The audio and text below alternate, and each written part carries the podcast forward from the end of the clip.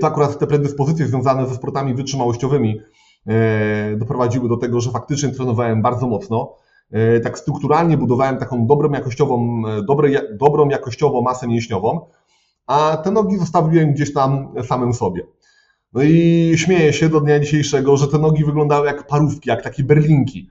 One były wysmarowane brązerem, ale po prostu to był taki jeden monolit. Tam nie było mięśni, tam były jakieś zarysy związane ze sportami wytrzymałościowymi. Ja bym mógł tak naprawdę napisać książkę o błędach, które ja wykonywałem. Ja tak naprawdę nie potrafiłem trenować. Przede wszystkim temat był taki, że jak ja przychodziłem na siłownię, to ja bazowałem tylko i wyłącznie na priopercepcji, na czuciu głębokim i na tym, co podpowiada mi, prawda, moje ciało. I niejednokrotnie było tak, że wykonywałem na przykład przyciąganie, e, nie wiem, w pozycji siedzącej jakiegoś e, uchwytu typu V, a mi się pompowała klatka piersiowa, no bo wiadomo, mamy przywiedzenie horyzontalne. Ja myślałem, że to jest ćwiczenie na klatę, nie?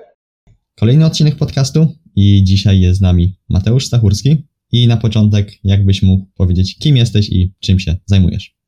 Cześć, witam wszystkich bardzo serdecznie. Ja nazywam się Mateusz Stachurski, jestem założycielem firmy szkoleniowej Global Sport Academia. Dokładnie nie jestem, dlatego że jest nas we dwóch, ja i mój wspólnik i zarazem przyjaciel Tomasz Szymicki. Także można powiedzieć, razem tworzymy tutaj to zamieszanie wokół branży szkoleniowej. E, od początku. Z wykształcenia jestem magistrem Wrocławskiej Akademii Wychowania Fizycznego, jestem trenerem klasy mistrzowskiej z zakresu kulturystyki i sportów siłowych ale przede wszystkim chyba Kuba i widzowie jestem pasjonatem związanym z elementami kształtowania sylwetki. Nie ma co ukrywać, ale mój konik to metodyka treningu siłowego i programowanie treningu sylwetkowego. E, wiąże się to z tego, że praktycznie od 18 roku życia jestem związany z treningiem siłowym, z treningiem sylwetkowym. Mm, a wszystko wzięło się od tego, że że co, że przez gimnazjum, dokładnie nie przez gimnazjum, tylko w momencie, gdy chodziłem do, do, do gimnazjum, później do liceum, całe życie byłem związany ze sportem. Grałem w piłkę w Śląsku Wrocław, czyli byłem związany ze sportami typowo e, motorycznymi, ze sportami wytrzymałościowymi. E, no i w pewnym momencie mojego życia, stety, niestety, e, zaczęły trapić mnie coraz to częstsze mm, kontuzje. No aż w końcu miałem pierwszą, drugą operację i było to właśnie na poziomie E, szkoły średniej.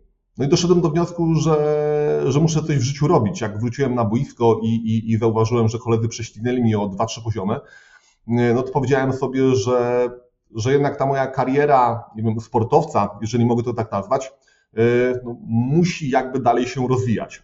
W którym kierunku jeszcze tego sam nie wiedziałem.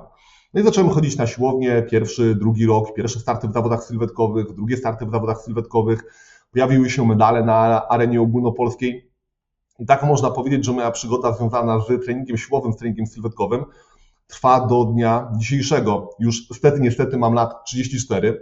W branży jestem od 18 roku życia, więc można powiedzieć, że to moje doświadczenie zawodowe ma Kuba całkiem pokaźny staż.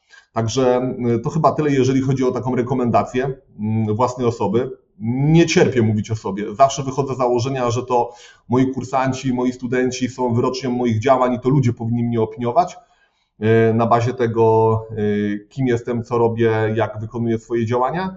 Ja opowiedziałem o takich, można powiedzieć, naj, najbardziej chyba namacalnych rzeczach, które, które w życiu robiłem i tym, co, co, co, co ludzie powinni wiedzieć. Także na dzień dzisiejszy pracuję za biurkiem, jestem założycielem firmy szkoleniowej jeszcze raz, Global Sport Academy. No i miło mi Was wszystkich, no może nie widzieć, ale, ale słychać. Dobra, Mateusz, to Ty zarysowałeś tutaj bardzo fajnie to, o czym my będziemy sobie dzisiaj rozmawiać. Mm, mhm. I pytanie rozgrzewkowe, jak w treningu, z, z czego jesteś ostatnio najbardziej zadowolony? Yy, ja jestem ogólnie, Kuba, taką osobą, która ma bardzo wygórowane oczekiwania względem swojego życia, i to prywatnego, i, i, i, i zawodowego. Ale ja chyba na dzień dzisiejszy najbardziej jestem zadowolony z tego, że mogę spełniać się na poziomie każdej płaszczyzny swojego życia. I prywatnie, i zawodowo jestem spełniony, dlatego że e, jestem ojcem czteroletniego Franka, mam e, świetną żonę, mam naprawdę fajnych przyjaciół wokół siebie. No i najważniejsze jest chyba to, że spełniam się zawodowo pod kątem tego, że przychodzi taki dzień jak dzisiaj, czyli mamy poniedziałek, jest godzina 5.50, bo o tej godzinie z reguły wstaję.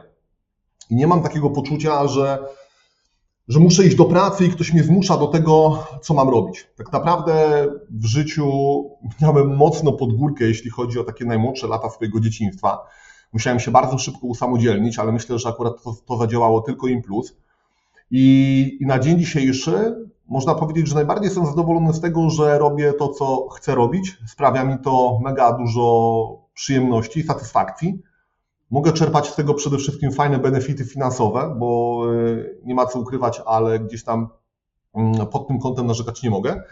Y, I to jest chyba taka najważniejsza rzecz, którą doceniam w życiu na dzień dzisiejszy, że jestem po prostu szczęśliwy z tego, co, co robię. Życzę każdemu z osobna, żeby był na tym miejscu, w którym ja jestem y, na dzień dzisiejszy. Czyli żeby móc cieszyć się po prostu raz z rodziny, dwa z pracy zawodowej, trzy z każdej otaczającej go y, rzeczy. No i dzięki pracy przede wszystkim na dzień dzisiejszy, dzięki temu, że doszedłem do tego momentu, w którym jestem aktualnie, mogę spełniać swoje, swoje marzenia. Zawodowo chodzę po górach, bardzo dużo wyjeżdżam. Mógłbym tutaj opowiadać prawdopodobnie godzinami, jak wyglądają moje elementy życia codziennego, aczkolwiek myślę, że ta kwestia, o której powiedziałem teraz, jest absolutnie najważniejsza, czyli spełniam się na poziomie każdej materii życia. I to jest chyba e, to, z czego jestem najbardziej, najbardziej zadowolony. Jak ktoś mnie zawsze pyta, jak jest u Ciebie Stachu, prawda? Nie wiem, czy, czy jak, się, jak się czujesz, co tam u Ciebie, to ja mówię, że jest dobrze albo bardzo dobrze. No i teraz jest akurat bardzo, bardzo dobrze. Nie ma powodu do narzekań. Najważniejsze, jak ja to zawsze mówię, ważne, żeby zdrowie było, e, a resztę już tam gdzieś sobie uciłam. Mhm. No tutaj się zgodzę, że to zdrowie to faktycznie jest coś, czego ludzie nie doceniają, bo jest, a jak coś się wali, to nagle łapią się wszystkiego, żeby tylko sobie, sobie pomóc, co nie? Ale ludzie doceniają coś Kuba i to mówię, yy, można powiedzieć, ku przestrodze młodym, młodym adeptom, nie wiem, czy to sportów sylwetkowych, czy każdej innej dyscypliny sportu, że człowiek docenia coś w momencie, gdy to realnie traci, nie? I my się nie zastanawiamy nad tym, co może być jutro, pojutrze, czasami wybiegamy bardzo mocno w przyszłość, a jestem aktualnie zwolennikiem tego, żeby owszem, fakt faktem, mieć marzenia, ale żeby czerpać wszystko w danej chwili żeby skupiać się na tym, co jest teraz, wybiegać owszem w przyszłość, myśleć, nie wiem, nad, nad swoimi działaniami, nad swoim rozwojem, innymi elementami życia codziennego, ale bardzo mało osób, bynajmniej w, nie wiem, moim otoczeniu, cieszy się aktualnie z tego, co ma teraz. Skąd ja mam wiedzieć, czy ja nie wsiądę po Twoim podcaście, prawda, do samochodu, nie będę gdzieś jechał, nie daj Boże, nie wiem, będę miał wypadek i tak naprawdę tyle będzie z mojego życia. Ja już na przestrzeni kariery zawodowej, można powiedzieć, mojego 34-letniego życia, e, doświadczyłem tyle nieszczęść na poziomie gdzieś tam swoich najbliższych znajomych, jakichś skrajnych sytuacji życiowych, które niestety spotęgowały to, że ktoś z zawodowego sportowca wylądował na wózku inwalidzkim, że zdroworozsądkowo naprawdę trzeba cieszyć się z tego, co mamy teraz. I niestety, ale mnóstwo ludzi tego nie docenia. A aktualna młodzież nawet nie ma jakby pojęcia o tym, e, no, jakie to życie jest kruche, jakie to życie jest marne. I tak naprawdę zawsze na swoich kursach szkolenia namawiam i wręcz, wręcz, wręcz jakby nalegam, żeby cieszyć się z tego, co mamy tutaj, bo naprawdę, naprawdę źle, źle nie mamy. Ale to są gdzieś takie, można powiedzieć, moje wizje życia, moje, moje wizje działań. Staram się naprawdę czerpać pełnymi garściami z tego, co, co, E, co daje mi to dobro, które mnie otacza dookoła. Także to jest jakby taka moja, moja mantra przemawiająca przez moje życie, żeby faktycznie działać, działać tu i teraz, ale jednocześnie gdzieś tam w, w gwoli bezpieczeństwa myśleć o przyszłości. Mhm. No to my przed właśnie nagraniem tego podcastu rozmawialiśmy o sytuacji, która mnie wczoraj spotkała e, i tak doszedłem do takiego wniosku, że taki, taki jeden cytat, takie jedno zdanie zapadło mi po prostu w głowie, jak tak sobie myślałem o tej całej sytuacji, żeby dbać o to, co mamy. Nieważne co to jest, ale jeżeli to mamy, to naprawdę dbajmy o to. Ale zdecydowanie i myślę, że to dotyczy jakby każdego aspektu życia. Mamy dziewczynę, mamy żonę, z którą się kłócimy, ona nas zostawia, żałujemy tego na maksa. Nie dbamy o zdrowie, prawda, nie wiem, jemy śmieci, stosujemy środki anaboliczne, nagle się okazuje, nie daj Boże, że mamy niewydolność wątroby, prawda, czy tam nerek i, i, i, i główkujemy na co i po co nam to wszystko było. I takich elementów można byłoby mnożyć, mnożyć na pęczki. Dlatego ja zawsze mówię, cieszmy się z tego, co mamy teraz, czerpmy z życia pełnymi garściami. I tak naprawdę, tak naprawdę tyle. Więc myślę, że chyba takim cytatem można, można podsumować Kuba to pytanie. Dobra, okej. Okay. To przejdźmy do tematu Twoich początków y, z siłownią. Jak to wyglądało? Bo mówiłeś, że w wieku 18 lat gdzieś to wszystko się zaczęło. Ale co właśnie sprawiło, że poszedłeś na tę siłownię, zacząłeś trenować i tak y, etap po etapie będziemy przechodzić właśnie do Twoich też zawodów kulturystycznych. To było właśnie tak, Kuba, jak powiedziałem, przepraszam, na samym początku, że całe życie byłem związany ze sportem. Od najmłodszych lat. Tu ojciec zaszczepił we mnie, można powiedzieć, takie ziarenko aktywności fizycznej, y, że praktycznie od szkoły podstawowej się ruszałem. Później chodziłem do gimnazjum sportowego, do szkoły mistrzostwa sportowego, jeśli chodzi o, o, o szkołę średnią.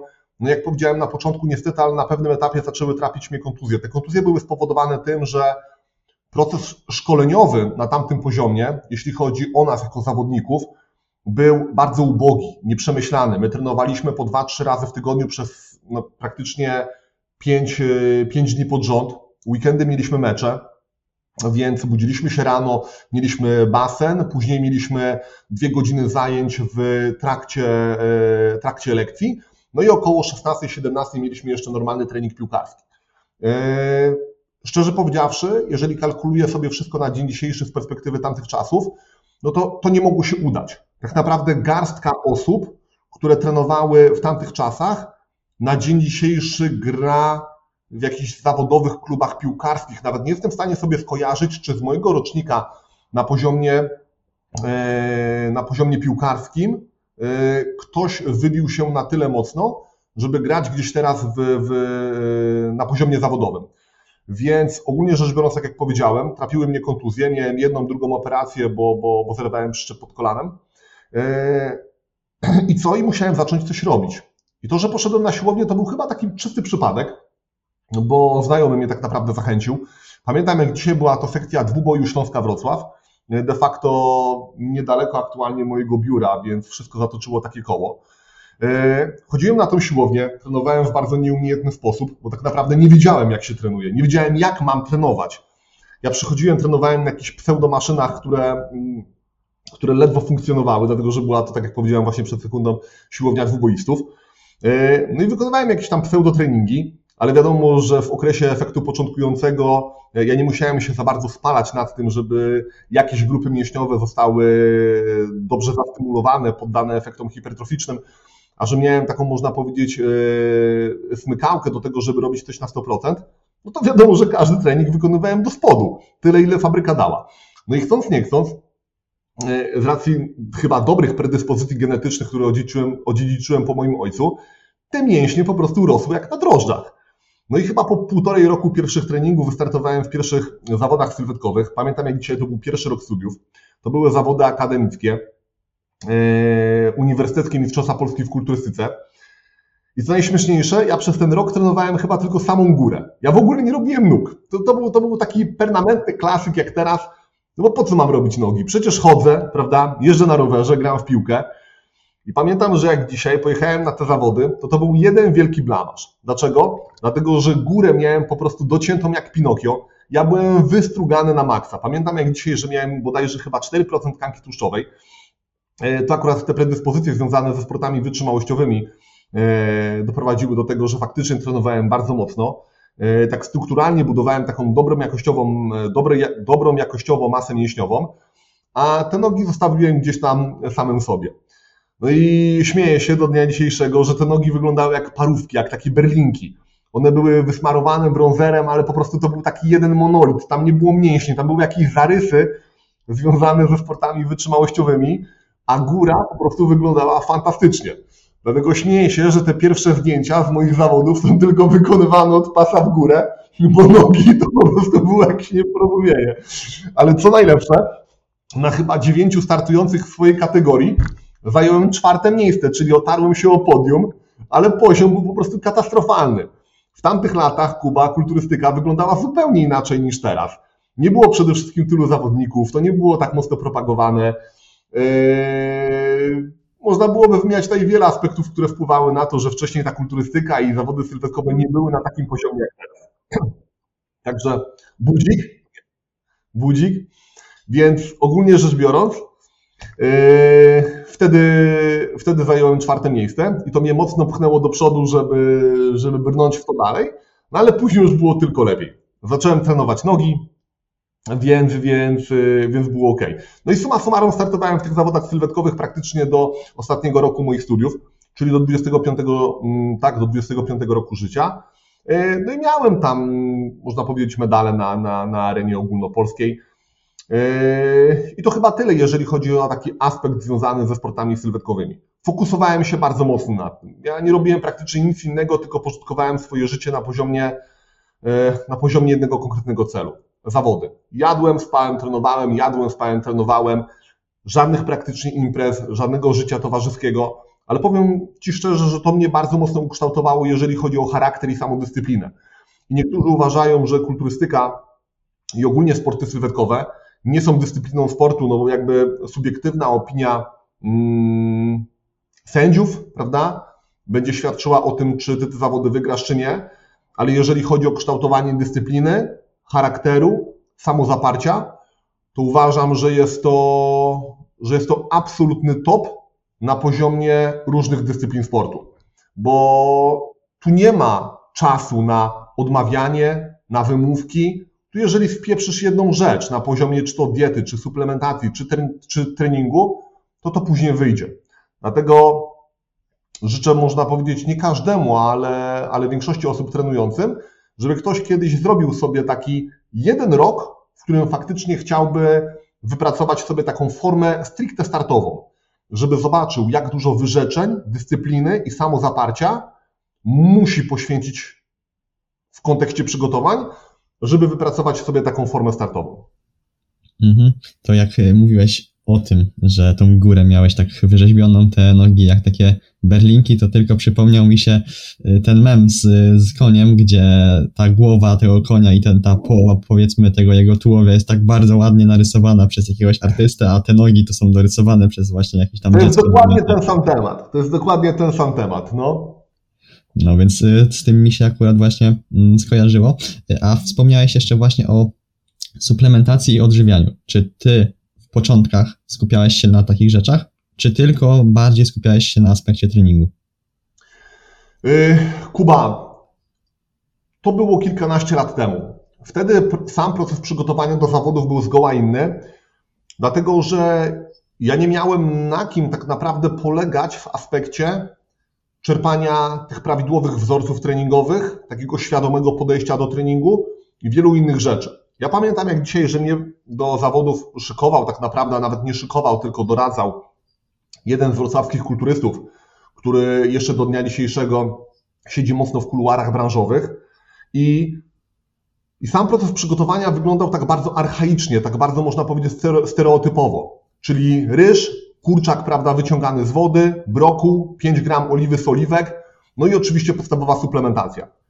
Kreatyna, białko, aminokwasy, y, karbo około treningowo, więc to były takie najbardziej elementarne, kulturystyczne podstawy, które prawdopodobnie jeszcze w niektórych elementach, y, a dokładnie aspektach siedzą do dnia dzisiejszego, co u niektórych zawodników ale, ale tak, jeżeli mam odpowiedzieć tak szczerze na Twoje pytanie, to od samego początku były suplementy, była dieta, no i był oczywiście trening. Znaczy nie mówię o swoich początkach związanych z treningiem, dlatego że tam ja, można powiedzieć, e, budowałem masę mięśniową na kanapkach z dżemem, prawda? Miałem dość, e, dość szybki metabolizm, więc, więc potrafiłem to, to fajnie sutylizować ale jeśli chodzi już później o sam proces przygotowania, to to była taka naprawdę chamska kulturystyka, czyli suchy ryż, kurczak wyciągany z wody, 5 gram oliwy z oliwek, no i do tego oczywiście jakieś warzywa. I taka dieta była no, na porządku dziennym, czyli 3-4 takie same posiłki. Yy, no to był straszny kat, to był straszny kat dla mnie jako dla, dla, dla, dla młodej osoby, z tym, że ja byłem tak w to wkręcony i tak sfokusowany, że to nie stanowiło dla mnie jakiegoś hiperdużego problemu. To oczywiście wszystko później się odbiło na moim zdrowiu i psychicznym, i fizycznym, dlatego że ja w takiej permanentnej diecie trwałem przez, e, przez dobrych kilka lat, aczkolwiek, e, aczkolwiek miło teraz do tego wracam. Z tym, że powiem Ci od razu taką anegdotę, że jak zakończyłem swoje ostatnie zawody i obroniłem tytuł magistra na Akademii Wychowania Fizycznego, to wszystkie elementy związane z kulturystyką totalnie jakby odkręciły się o 180 stopni względem moich wcześniejszych działań. Czyli odpuściłem dietę na maksa, odpuściłem sporty siłowe na rzecz znowu motoryki, sportów bardziej wytrzymałościowych, więcej zacząłem jeździć na rowerze, więcej zacząłem uprawiać, można powiedzieć, takiego podejścia bardziej funkcjonalnego w aspekcie kształtowania sylwetki.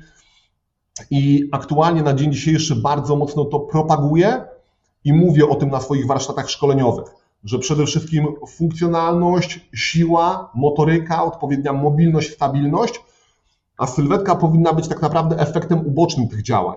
Dlatego, że w XXI wieku jesteśmy bardzo, ale to bardzo mocno ograniczeni ruchowo. Jeżeli ja analizuję sobie empirycznie jakieś badania, które były wykonywane kilkadziesiąt lat temu, związane z poziomem siły, poziomem związanym z jakością ruchu, a elementami życia codziennego, ja się czasami łapię za głowę. Nie wiem, czy masz świadomość, Kuba, ja bardzo często pytam swoich kursantów, e, jaka była średnia długość w wisie na drążku dzieciaków, które mają pomiędzy 13 a 16 rokiem życia w roku 90, 97. Wiesz może, ile Jaki był średni czas w aktywnym zwisie na drążku dzieciaków, które. Nie wiem, powiedziałbym, że. Na... tak naprawdę 20 lat temu, nie? No, powiedziałbym, że na pewno kilka minut, tak, tak strzelam. Kilka minut to byłaby całkiem, e, to byłby całkiem fajny wynik. Średnia w aktywnym zwisie na drążku, czyli tak, e, to jest taki zwis, gdzie trzymamy brodę nad drążkiem, e, była 20 sekund. Teraz średnia w, zwisie na, w aktywnym zwisie na drążku jest 4 sekundy. Więc to jest, to jest tak duża przepaść, to jest tak katastrofalny wynik, że to się w głowie nie mieści, jak krótko dzieciaki wiszą aktualnie na tym drążku. Okej, okay, bo wiesz co, pomyślałem, że po prostu, bo powiedziałeś w aktywnym zwisie, ja po prostu pomyślałem, że wiesz, łapiesz drążek i po prostu sobie wisisz i w ten sposób pomyślałem. To jest akurat myśl... pasywny zwis, on jest dużo łatwiejszy, Aktywny zwis jest dużo trudniejszy, czyli faktycznie musisz zaangażować najwięcej grup mięśniowych, prawda? Mhm. Dlatego, że wisisz w takiej pozycji, e, no i to wymaga troszkę więcej krzepy. No ale, ale jest po prostu źle. Dlatego ja na dzień dzisiejszy bardzo mocno propaguję taką ogólną funkcjonalność, ogólną sprawność i mówię, że te elementy związane z kształtowaniem sylwetki powinny być takim syndromem ubocznym. I, I fakt faktem, że coraz więcej osób uprawia na przykład y, street workout, y, kalistenikę, y, elementy takiego, można powiedzieć, functional bodybuildingu wchodzą mocno w grę i to jest akurat fajne. No bo nie ma co ukrywać, ale Kuba, kulturystyka, no dość mocno obnaża nasze już i tak funkcjonujące słabości. No bo co? Wielu młodych adeptów trenuje na maszynach, nie wykonuje ćwiczeń wielostawowych, no bo po co? Ogólnie szeroko pojęty atletyzm jest na poziomie zerowym, dlatego ja mocno uczulam i namawiam do tego, żeby nie taka stricte kulturystyka była, można powiedzieć, na dzień dzisiejszy hypowana, a właśnie takie elementy funkcjonalnego podejścia do życia, gdzie to kształtowanie sylwetki jest tym efektem ubocznym działań. Ale to jest znowu moje podejście, jakby moja wizja przede wszystkim kształtowania sylwetki, a mówię to w kontekście przede wszystkim tego, żeby ludzie byli zdrowi, funkcjonalni, żeby mogli przebyć sobie 5 km bez zadyszki. E, no a czasami często gęsto jest tak, że ja robię testy wydolnościowe przed modułem treningu siłowego, no i okazuje się, że z większością grupy to raczej nie popracujemy, prawda, na jakiejś wyższej objętości, e, no dlatego, że, że, że grupa jest po prostu tak słaba, no ale można byłoby tutaj rozmawiać na ten temat godzinami. Także szanowni Państwo, Trenujemy, prawda, funkcjonalnie, trenujemy globalnie, trenujemy tak, żeby przede wszystkim mieć fajną kondycję, fajną sprawność, a sylwetka na pewno jakby da nam ten efekt uboczny w, w postaci fajnego atletycznego ciała. Mhm. Ja myślę, że właśnie tutaj niekiedy ludzie, którzy, wiesz, nie mają ambicji sportowych, po prostu ten sport jest dla nich y, dodatkiem, często właśnie przesadzają w skrajności. I jeżeli chcą, powiedzmy, poprawić tą sylwetkę, to trenują tylko i wyłącznie, wiesz, na tej siłowni, nie skupiają się już totalnie na treningu mm, tym kondycyjnym. I właśnie ja zauważyłem też, bo żyję trochę w takiej właśnie, y, żyłem trochę w takiej bańce, że bardzo właśnie dużo osób kładzie nacisk tylko na ten trening siłowy, tylko siłownia, tylko siłownia, tylko nic więcej. A tak naprawdę, no, my poruszamy się na nogach, my powinniśmy też stawiać dobrze mniej więcej te, te kroki, też właśnie wejść bez zadyszki na drugie, trzecie piętro, żeby właśnie globalnie rozwijać te, te nasze ciało, a nie tylko pompować te głupie mięśnie. Ale to jest błąd, dlatego że my musimy kształtować Kuba wiele aspektów motorycznych, prawda? Wiele cech motorycznych. Siła to jest absolutnie matka każdej dyscypliny sportu. Więc nawet na poziomie treningu stricte kulturystycznego my musimy wykonać jakiś 8-10 tygodniowy blok intensyfikacji, czyli tak zwany blok, gdzie będziemy bazować naprawdę na relatywnie wysokim obciążeniu treningowym i niskiej objętości. To jest absolutny must have. Później możemy wejść sobie w ten blok akumulacji, czyli blok e, wysokoobjętościowy, ale gdy zakończymy na przykład już fazę, nie wiem, budowania masy mięśniowej, to tak jak sam zresztą słusznie powiedziałeś, musimy popracować nad blokiem wytrzymałości. I może być to na przykład blok realizacji, gdzie będziemy de facto stymulować sobie wytrzymałość ogólną, wytrzymałość lokalną danej grupy mięśniowej. Te wszystkie cechy motoryczne łączą się ze sobą. Ja od kiedy zacząłem chodzić po górach, od kiedy zacząłem jeździć e, na rowerze po 50-100 kilometrów e, dziennie, to zauważyłem, że moje nogi są w stanie wygenerować dużo większą moc, dużo większą siłę w przełożeniu właśnie na ten trening stricte sylwetkowy. I nawet jak byłem ostatnio na obozie u Maćka Bielskiego, E, który był gościem Twojego podcastu, to dochodzimy jakby do tych samych e, konkluzji, do tych samych, e, można powiedzieć, gdzieś tam merytorycznych informacji związanych z przełożeniem się innych dyscyplin sportu na pozytywne aspekty treningu sylwetkowego.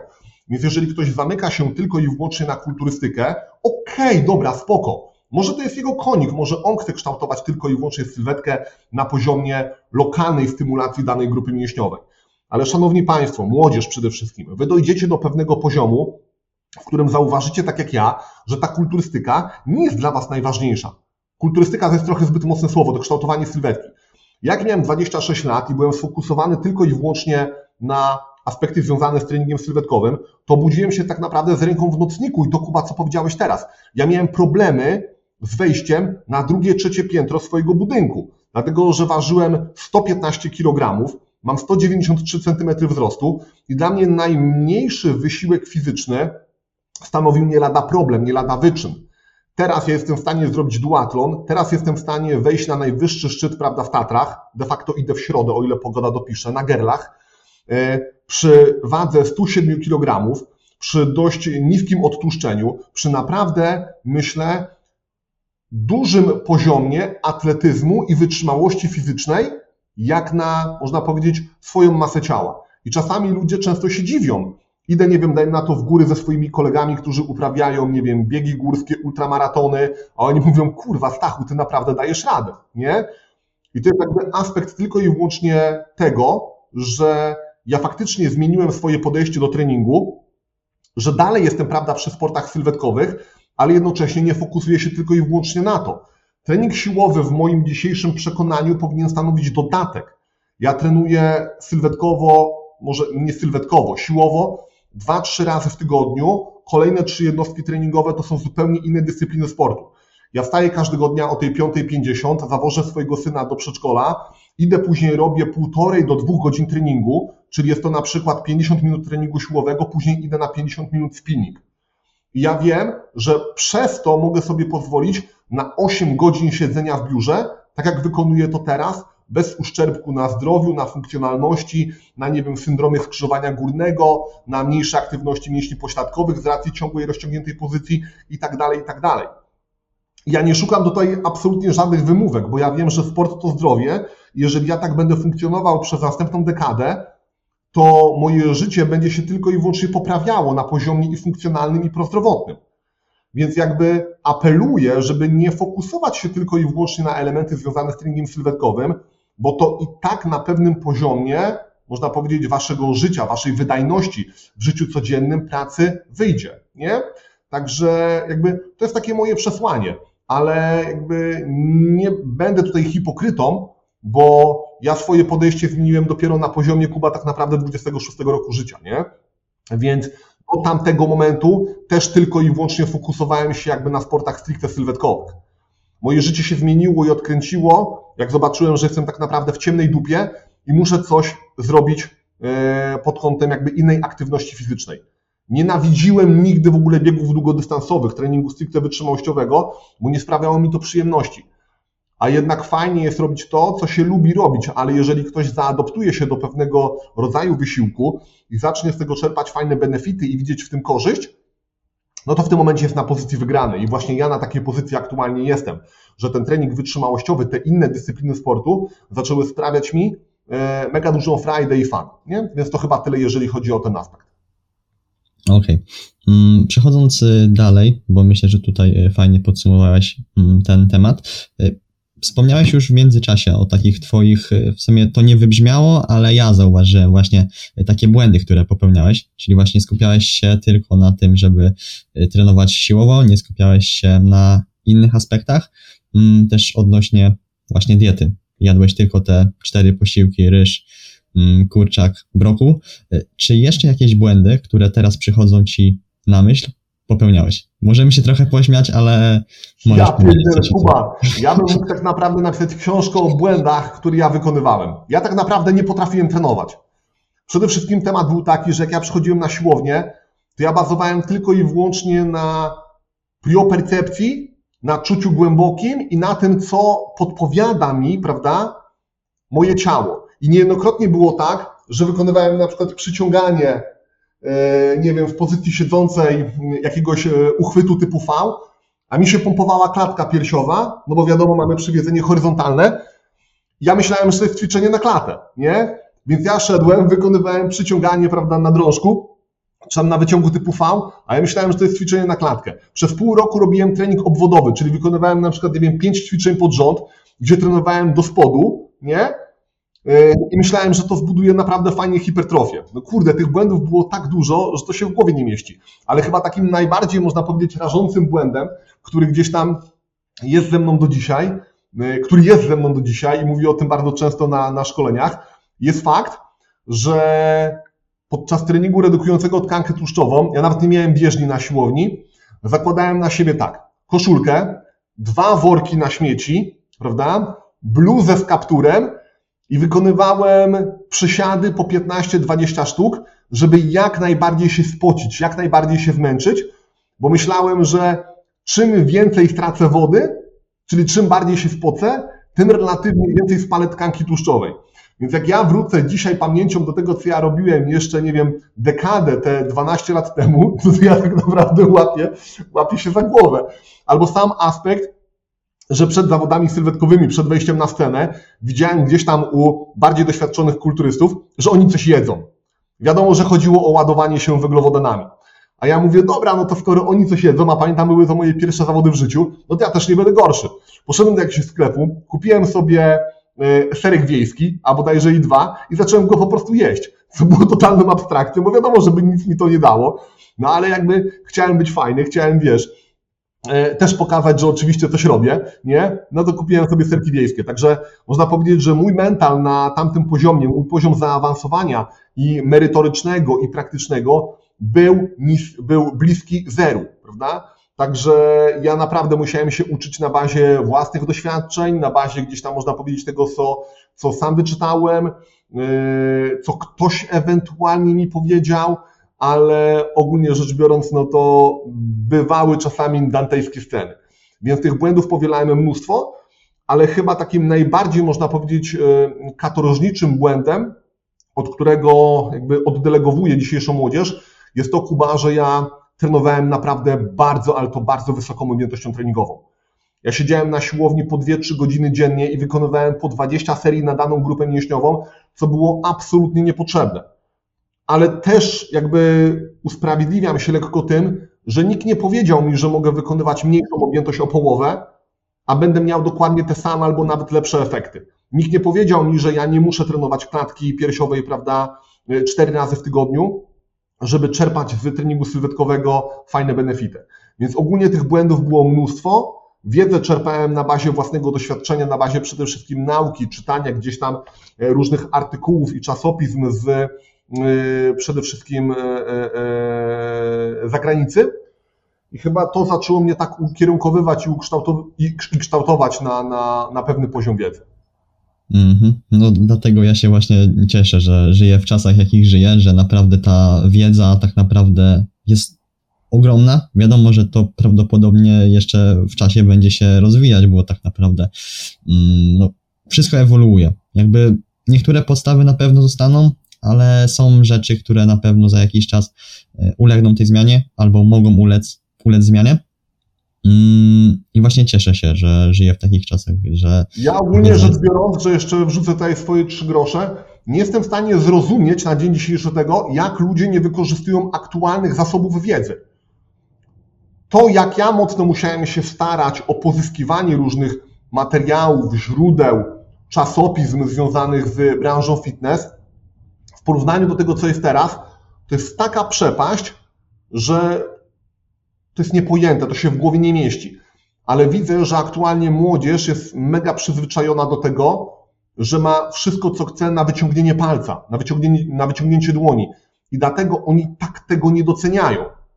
U mnie było zupełnie inaczej. Ja musiałem się naprawdę o to bardzo mocno postarać.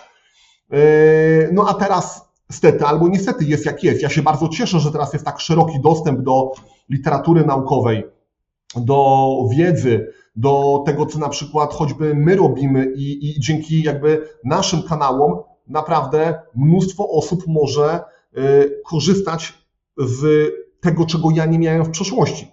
My, Jakub, na swoich zamkniętych grupach tylko na Facebooku mamy około 40 tysięcy ludzi, którzy czerpią, prawda, darmową wiedzę z naszych materiałów szkoleniowych.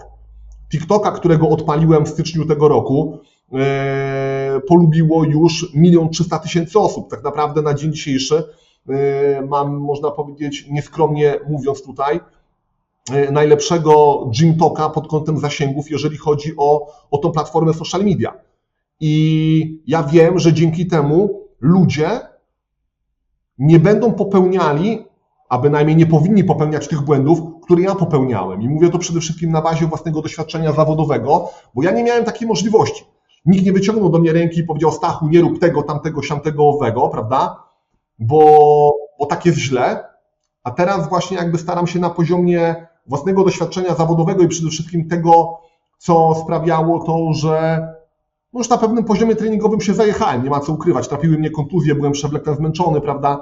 Nie chciało mi się już w pewnym momencie wykonywać tej dyscypliny sportu. E, jakby uczulać młode osoby, żeby nie robiły właśnie tak, jak, jak, jak robiłem ja. Więc jakby sprzedaję wiedzę przede wszystkim na bazie własnego doświadczenia zawodowego i mówię, że no nie, prawda, Janusz, nie musisz robić tylu i tylu serii, możesz zrobić połowę z tego, a to ci da taki sam, a nawet lepszy efekt. Mhm.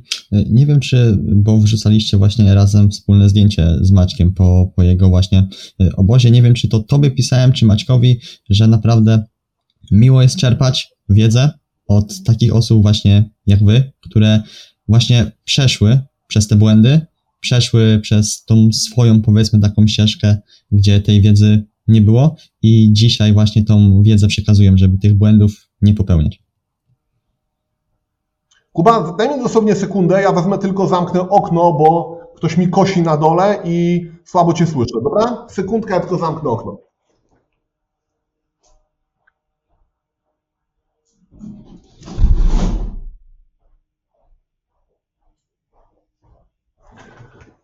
Już jestem od razu lepiej, dziękuję. E, no tak, jeśli chodzi o te błędy, no to faktycznie ich było po prostu całe mnóstwo. I tak jak już właśnie powiedziałem wcześniej, no teraz staram się uczulać i przede wszystkim mówić to, co, nie wiem, nie spotkało w życiu na bazie kontuzji, chronicznego zmęczenia, etc., etc., żeby ktoś tych błędów nie popełniał. Tylko stety, niestety, dzisiejsza młodzież jest bardzo mocno, jeszcze brzydko mówiąc, zabetonowana na, na pewne nowinki naukowe, na pewne treści. Dalej ludzie myślą, że czym więcej, tym lepiej i tak dalej, i tak dalej ale myślę, że dojrzejemy do tego, żeby faktycznie zobaczyć, jakie benefity możemy uzyskać dzięki tak zwanej optymalizacji. Ja na dzień dzisiejszy na przykład bardzo mocno specjalizuję się i, i, i też e, uczę optymalizacji ruchu, dlatego że mnóstwo osób trenujących jest bardzo mocno obnażona jakimiś dysfunkcjami aparatu ruchu, prawda, kiepską mobilnością, kiepską stabilnością, i staram się zawsze na własnych szkoleniach pokazywać, jak dużo lepiej pod kątem ergonomii można wpłynąć na jakość danego ruchu, dzięki czemu będziemy mieć dużo więcej benefitów. Czyli na przykład pod kątem długości ruchu, stymulacji większej ilości grup mięśniowych, a jednocześnie nie zrobienia sobie krzywdy. I teraz znowu wrócę do przeszłości. Mi nikt tego nie powiedział, że jak ja wykonywałem przysiad do połowy, prawda, ze sztangą o masie 160 kg na karku, no to mój kręgosłup i kolana tak naprawdę wołały, wołały o pomoc. Teraz już byłbym mądrzejszy, że jeżeli wiem, iż mam zabetonowany staw skokowy, skrócony mięsień czworogłowy uda, inaczej bioder, e, nie wiem, pochylam się w siadzie zbyt mocno do przodu, to że mogę to wyprowadzić bardzo prostym, nie wiem, bardzo prostą regresją wzorca ruchowego, a jednocześnie naprawić, prawda, słabe punkty i później wrócić do tego cięższego przesiadu ze sztangą trzymaną na karku. Problemem też trenerów personalnych jest właśnie to, że z reguły dobierają takie ćwiczenia, jakie znają, a nie takie, jakie powinni dobierać, nie? I to samo jest na poziomie parametrów treningowych, dlatego ja tak mocno fokusuję się na treningu sylwetkowym, dlatego że wszyscy myślą, iż jest to taka prosta sprawa, rozpisanie planu treningowego na poziomie, nie wiem, czterech e, serii po 12 powtórzeń, ale tak nie jest. Tu jest mnóstwo elementów, które musimy skorelować tak, żeby to chodziło jak w szwajcarskim zegarku. Periodyzacja treningowa, elementy progresywnego przeładowania, skuteczny dobór ćwiczeń, skuteczny dobór parametrów treningowych na poziomie danego e, zaawansowania, tak? Czy to osoba początkująca, średnio zaawansowana, czy zaawansowana. Tu wszystko będzie wyglądało zgoła inaczej. Dlaczego ludzie się jakby dziwią na samym początku, a później mówią, że tak, ma to sens, jeśli dowiadują się, że ja za plan treningowy życzę sobie 1000 złotych? Ano dlatego, że ja ten plan nie rozpisuję tak jak większość trenerów na poziomie jednego tygodnia treningowego, tylko ja tworzę cały, prawda, makrocykl od pierwszego do dwunastego tygodnia, gdzie wcześniej muszę zrobić odpowiednie interwiu z klientem, zbadać jego przede wszystkim E, aparat ruchu, dostosować cały protokół treningowy, protokół naprawczy, zaproponować jeszcze jakiś na przykład lokalny deload w planie treningowym i dla mnie ogólnie stworzenie takiego planu to nie jest 20 minut na poziomie czatu, e, czatu GPT, prawda? E, tylko faktycznie realne kilka godzin pracy. Ale jeżeli ktoś dostanie ode mnie taki plan, to wie, że, że, że ma to sens, bo to jest skrypt, który składa się z ponad 30 stron. Mhm, no ale też właśnie wiedza, którą, w sensie czas, który poświęciłeś na zdobywanie tej wiedzy i jak to ułożyć, to też jakby za to jest płacone. Bo mnie na przykład y, uczono właśnie mm, w szkole, bo jestem po techniku y, informatycznym, że w momencie, kiedy jakiś klient do nas przychodzi i nawet jakaś usterka, którą możemy załatwić 5 minut, ona może kosztować 50-100 zł, bo klient płaci nam za wiedzę, którą my mamy. I tak samo jest w tym przypadku. Ale oczywiście, że tak, Kuba. Wiesz, ja już jestem na tym poziomie, e, jakby, nie wiem, i, i, i swojej wartości mentalnej, i na tym poziomie finansowym, że ja nie muszę sprzedawać planów za 150 zł, bo dla mnie nie będzie to żadna satysfakcja. Ja przyjmuję każdego miesiąca tylko 5 osób na prowadzenie, prawda? Mam swoją stronę, prawda, swoją stronę firmową www.plany.pro. Jeżeli ktoś będzie chciał uzyskać tą wiedzę, E, to to kupi. Jeśli nie, to nie. Ja nikogo nie będę, prawda, na siłę do tego zmuszał i o to prosił. Ja szkoliłem się naprawdę kilkanaście lat, żeby być w tym miejscu, w którym aktualnie jestem. Nie schlebiając sobie, i to naprawdę mówi wiele osób, Kuba, ja byłem pionierem tworzenia branży treningu personalnego w Polsce. Moje pierwsze szkolenia z metodyki treningu siłowego, z planowania i programowania treningowego były prawie 10 lat temu. To był rok 2014, ja pamiętam jak dzisiaj. Zorganizowaliśmy pierwsze szkolenia z planowania i programowania treningowego, które prowadziłem z Dawidem Bukielem.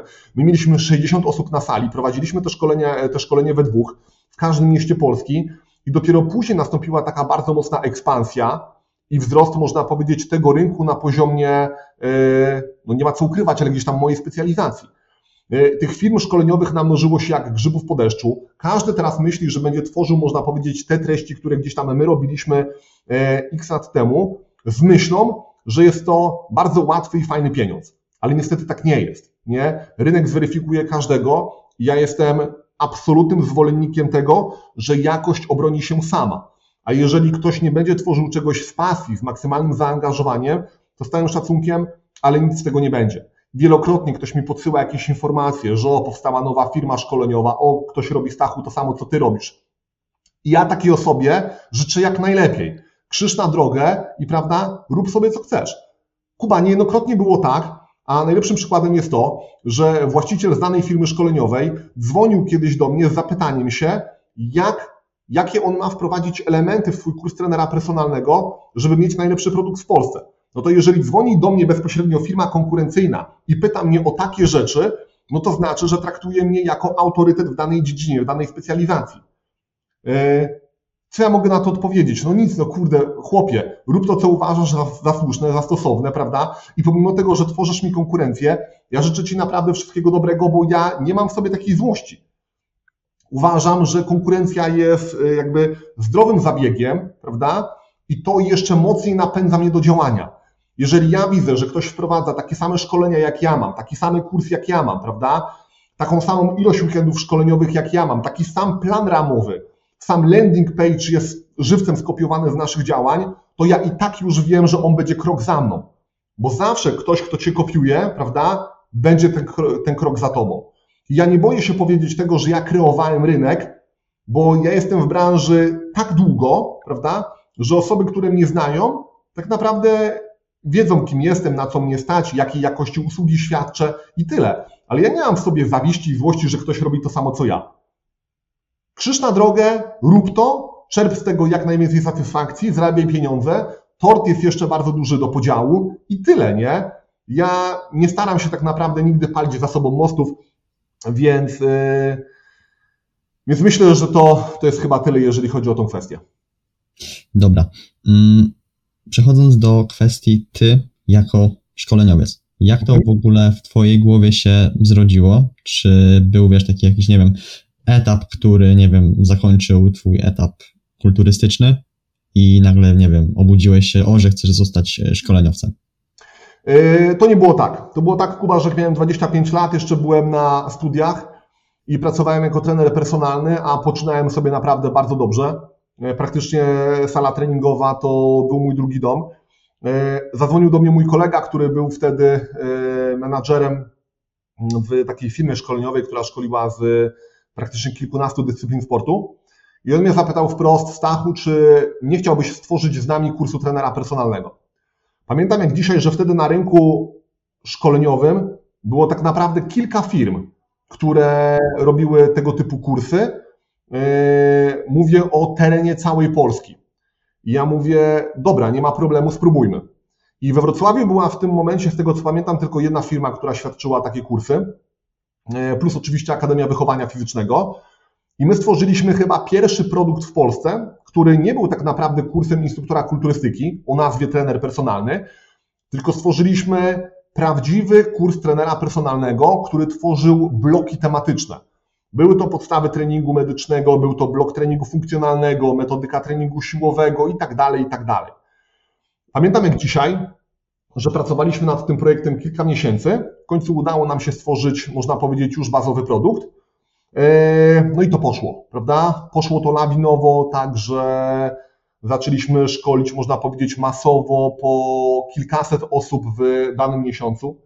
Firma, w której pracowałem wcześniej i zrobiłem ten kurs, zatrudniła mnie jako kierownika do spraw szkoleń, więc po dwóch latach działań w tamtej firmie mieliśmy już 40, no 40 nie, 20 wykładowców, którzy świadczyli usługi na terenie całej Polski.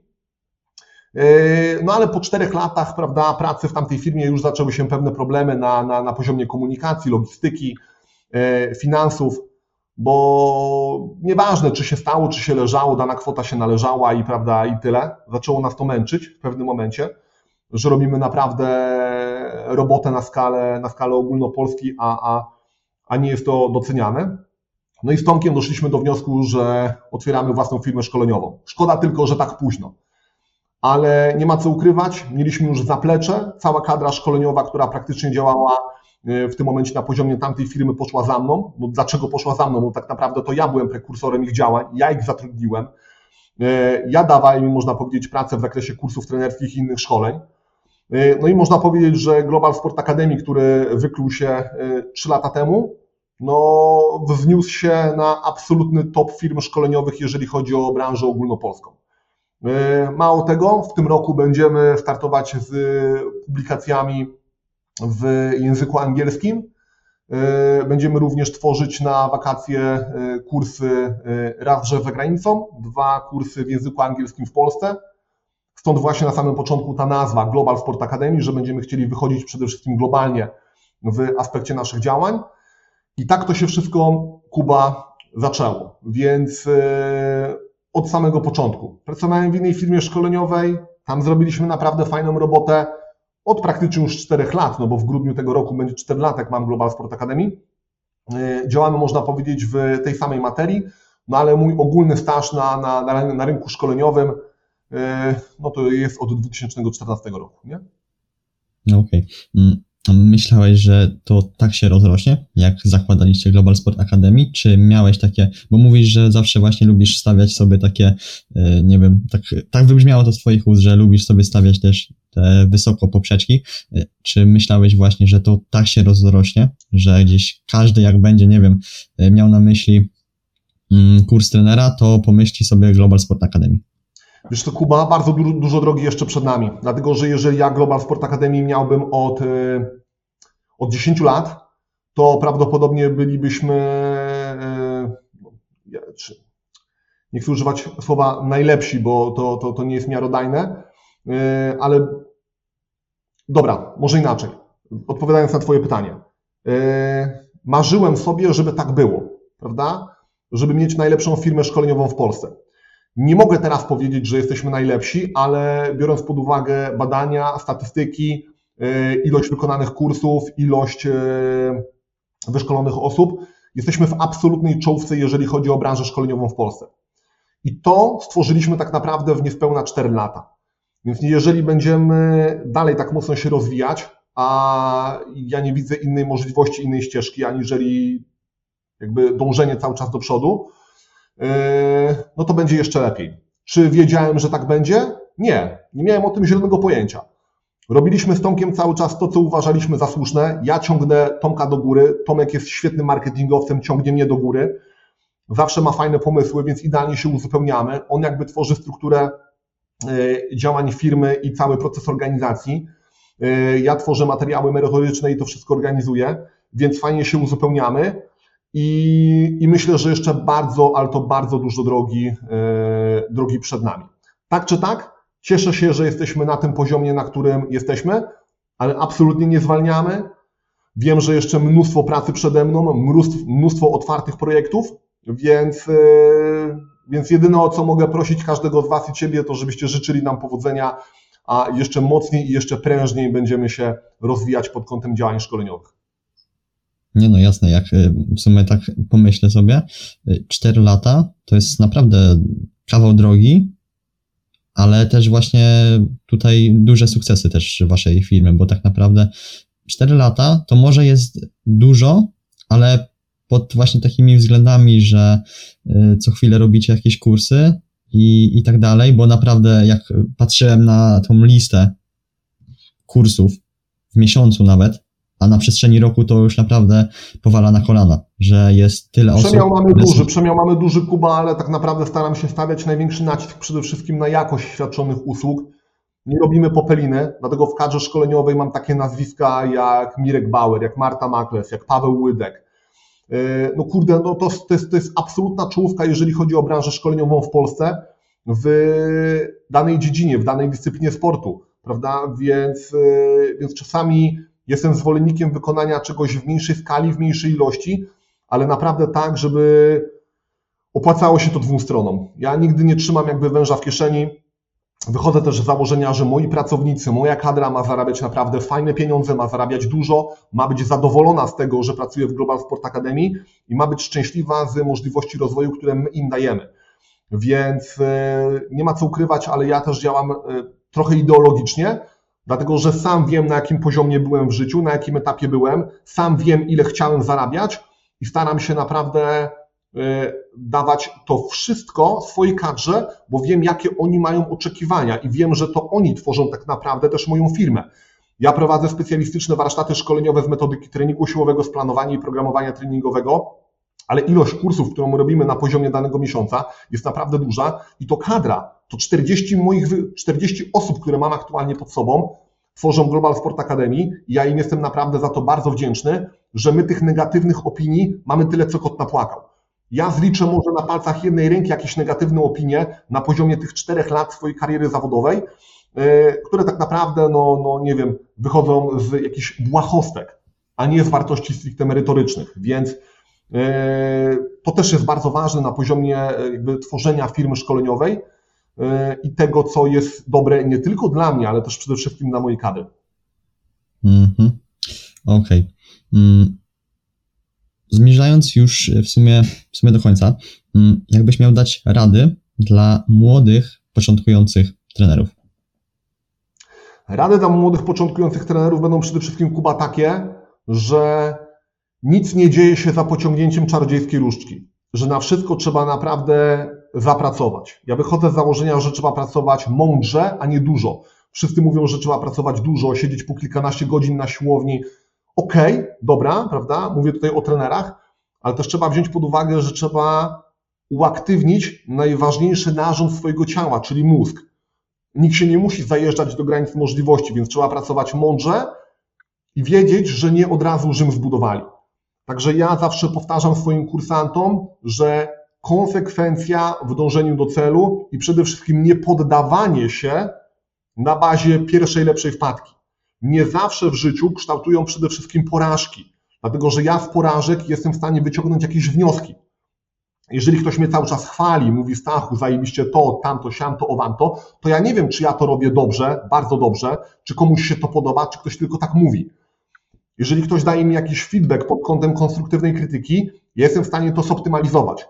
Dlatego ja bardzo często działam na ankietach, na badaniach. Ja analizuję mnóstwo elementów, prawda, które mogę ulepszyć w swojej firmie po to, żeby przede wszystkim móc iść do przodu. Więc jakby takie dwa słowa dla, nie wiem, przyszłych trenerów personalnych, przyszłej młodzieży, to moi drodzy jest to, że nie od razu Rzym zbudowali. Że musicie naprawdę konsekwentnie działać bardzo, ale to bardzo długo, żeby znaleźć się na pewnym poziomie, który będzie tworzył z Was specjalistów. Nic nie dzieje się od tak. A teraz niestety ludzie tak myślą, że zrobią kurs trenera personalnego, od razu będą chodzącymi alfami i omegami, powiadają wszystkie rozumy. Moi drodzy, to się tak nie dzieje. Naprawdę trzeba dużej ilości czasu, trzeba dużej ilości poświęcenia, dużej ilości analizy tego, co robicie, błędów życiowych, żeby móc znaleźć się choćby na tym poziomie, na którym ja jestem teraz, choć ja czym dłużej się szkole, czym dłużej jestem na rynku branży fitness, tym bardziej dochodzę do wniosku, że więcej nie wiem, aniżeli wiem. Jest takie przysłowie, które mówi, że człowiek uczy się całe życie i głupi umiera. I mnie to coraz częściej spotyka. Że czym więcej jakby studiuję literatury naukowej, czym więcej szkole, czym więcej słucham osób, które są dużo bardziej kumate ode mnie w innych dyscyplinach sportu, tym bardziej wiem, jakie jestem płytki pod kątem danego zasobu wiedzy. I to czasami mnie przytłacza, ale też daje mi taką zajebistą motywację do tego, że jest mnóstwo jeszcze drogi i czasu przede mną na poziomie tego, co mogę osiągnąć. Także, Szanowni Państwo, uczyć się, edukować, kształcić, bo najlepsza inwestycja to jest inwestycja w samych siebie. I to nie podlega absolutnie żadnej dyskusji. I to w przyszłości zaprocentuje. Tylko konsekwencja, determinacja i dążenie do celu, czasami nawet po trupach. Jeżeli ja mogłem wywodząc się z takiego ciężkiego terenu, z, można powiedzieć, rodzinnych patologii. Ja od 18 roku życia mieszkam sam. Musiałem y, pracować na dwa etaty, musiałem sam sobie opłacić studia, sam sobie opłacić mieszkanie, sam zrobić pierwszy kurs instruktora y, kulturystyki. I jednocześnie dochodzę do poziomu, w którym tak naprawdę pod kątem finansowym mam wszystko, czego chcę. Jestem jakby zaspokojony na każdym etapie, no to znaczy, że można. Trzeba tylko po prostu chcieć. Tylko, że tak naprawdę bardzo mało osób to rozumie, nie? Że ta determinacja i dążenie do celu będzie stawiało tylko nielicznych, tylko garstkę na tym poziomie, na którym są najbardziej wybitne jednostki w Polsce na poziomie tego treningu. Ale to pokazuje tylko, że każdy może to mieć. Tylko, że trzeba naprawdę się na tym mocno skupić i dążyć realnie do celu i nie poddawać się. Tyle. Okej, okay. piękne podsumowanie tego odcinka, bo my będziemy się właśnie tutaj ze słuchaczami teraz żegnać, bo umówiliśmy się na godzinkę i ta godzinka naprawdę bardzo szybko mi minęła. Trzeba byłoby dyskutować trzy godziny prawdopodobnie o tym. Prawdopodobnie tak. Z przyjemnością mi się Ciebie tutaj właśnie słuchało. I tak na sam koniec, powiedz, gdzie można Cię spotkać i gdzie można też spotkać Global Sport Academy w internecie. Mamy, urzędujemy we Wrocławiu, mamy tutaj siedzibę działamy globalnie na terenie całej Polski. E, śmiechem, żartem można mnie spotkać na terenie całego, całego miasta i ilekroć wchodzę do jakiejś galerii handlowej, to e, setki dzieciaków robią sobie, sobie ze, mnie, e, ze mną zdjęcia. To jest zasługa akurat TikToka. Ogólnie rzecz biorąc, szkole mm, w największych miastach Polski. Wrocław, Kraków, Katowice, Warszawa, Gdańsk. Cały terminarz moich działań jest na naszej stronie. Teraz, jeżeli chodzi stricte o wakacje, tutaj będziemy mieli na pewno żniwa w zakresie e, kursów trenerskich. Mm, e, dużo też szkole online, dlatego że ludzie cenią sobie teraz e, dystrybuowanie wiedzy na poziomie, na poziomie takiego, można powiedzieć, rodzaju, rodzaju warsztatów. Więc ktoś, kto wejdzie na naszą stronę GS Akademia, albo przede wszystkim na nasze grupy, albo na TikToka GS Akademia, tam będzie miał mnie aż, aż nadto. Także www.gsacademy.pl i nasze grupy na Facebooku. Planowanie i programowanie treningowe, treningi dietetyka, TikTok GSA Akademia, Instagram tak samo. Tyle. Dziękuję Kuba mega za zaproszenie. Ja serdecznie polecam Global Sport Academy, bo też ze z Mateuszem widzimy się pod koniec, pod koniec lipca. Na pewno zbijemy pionę i mam nadzieję, że świetnie spędzę ten tydzień. Ja jeszcze raz też dziękuję za ten odcinek, bo bardzo mówię, miło się rozmawiało. I co? Do usłyszenia w następnym odcinku. Wszystkiego dobrego, Kuba. Dziękuję, Szanowni Państwo i na razie. Siemanko.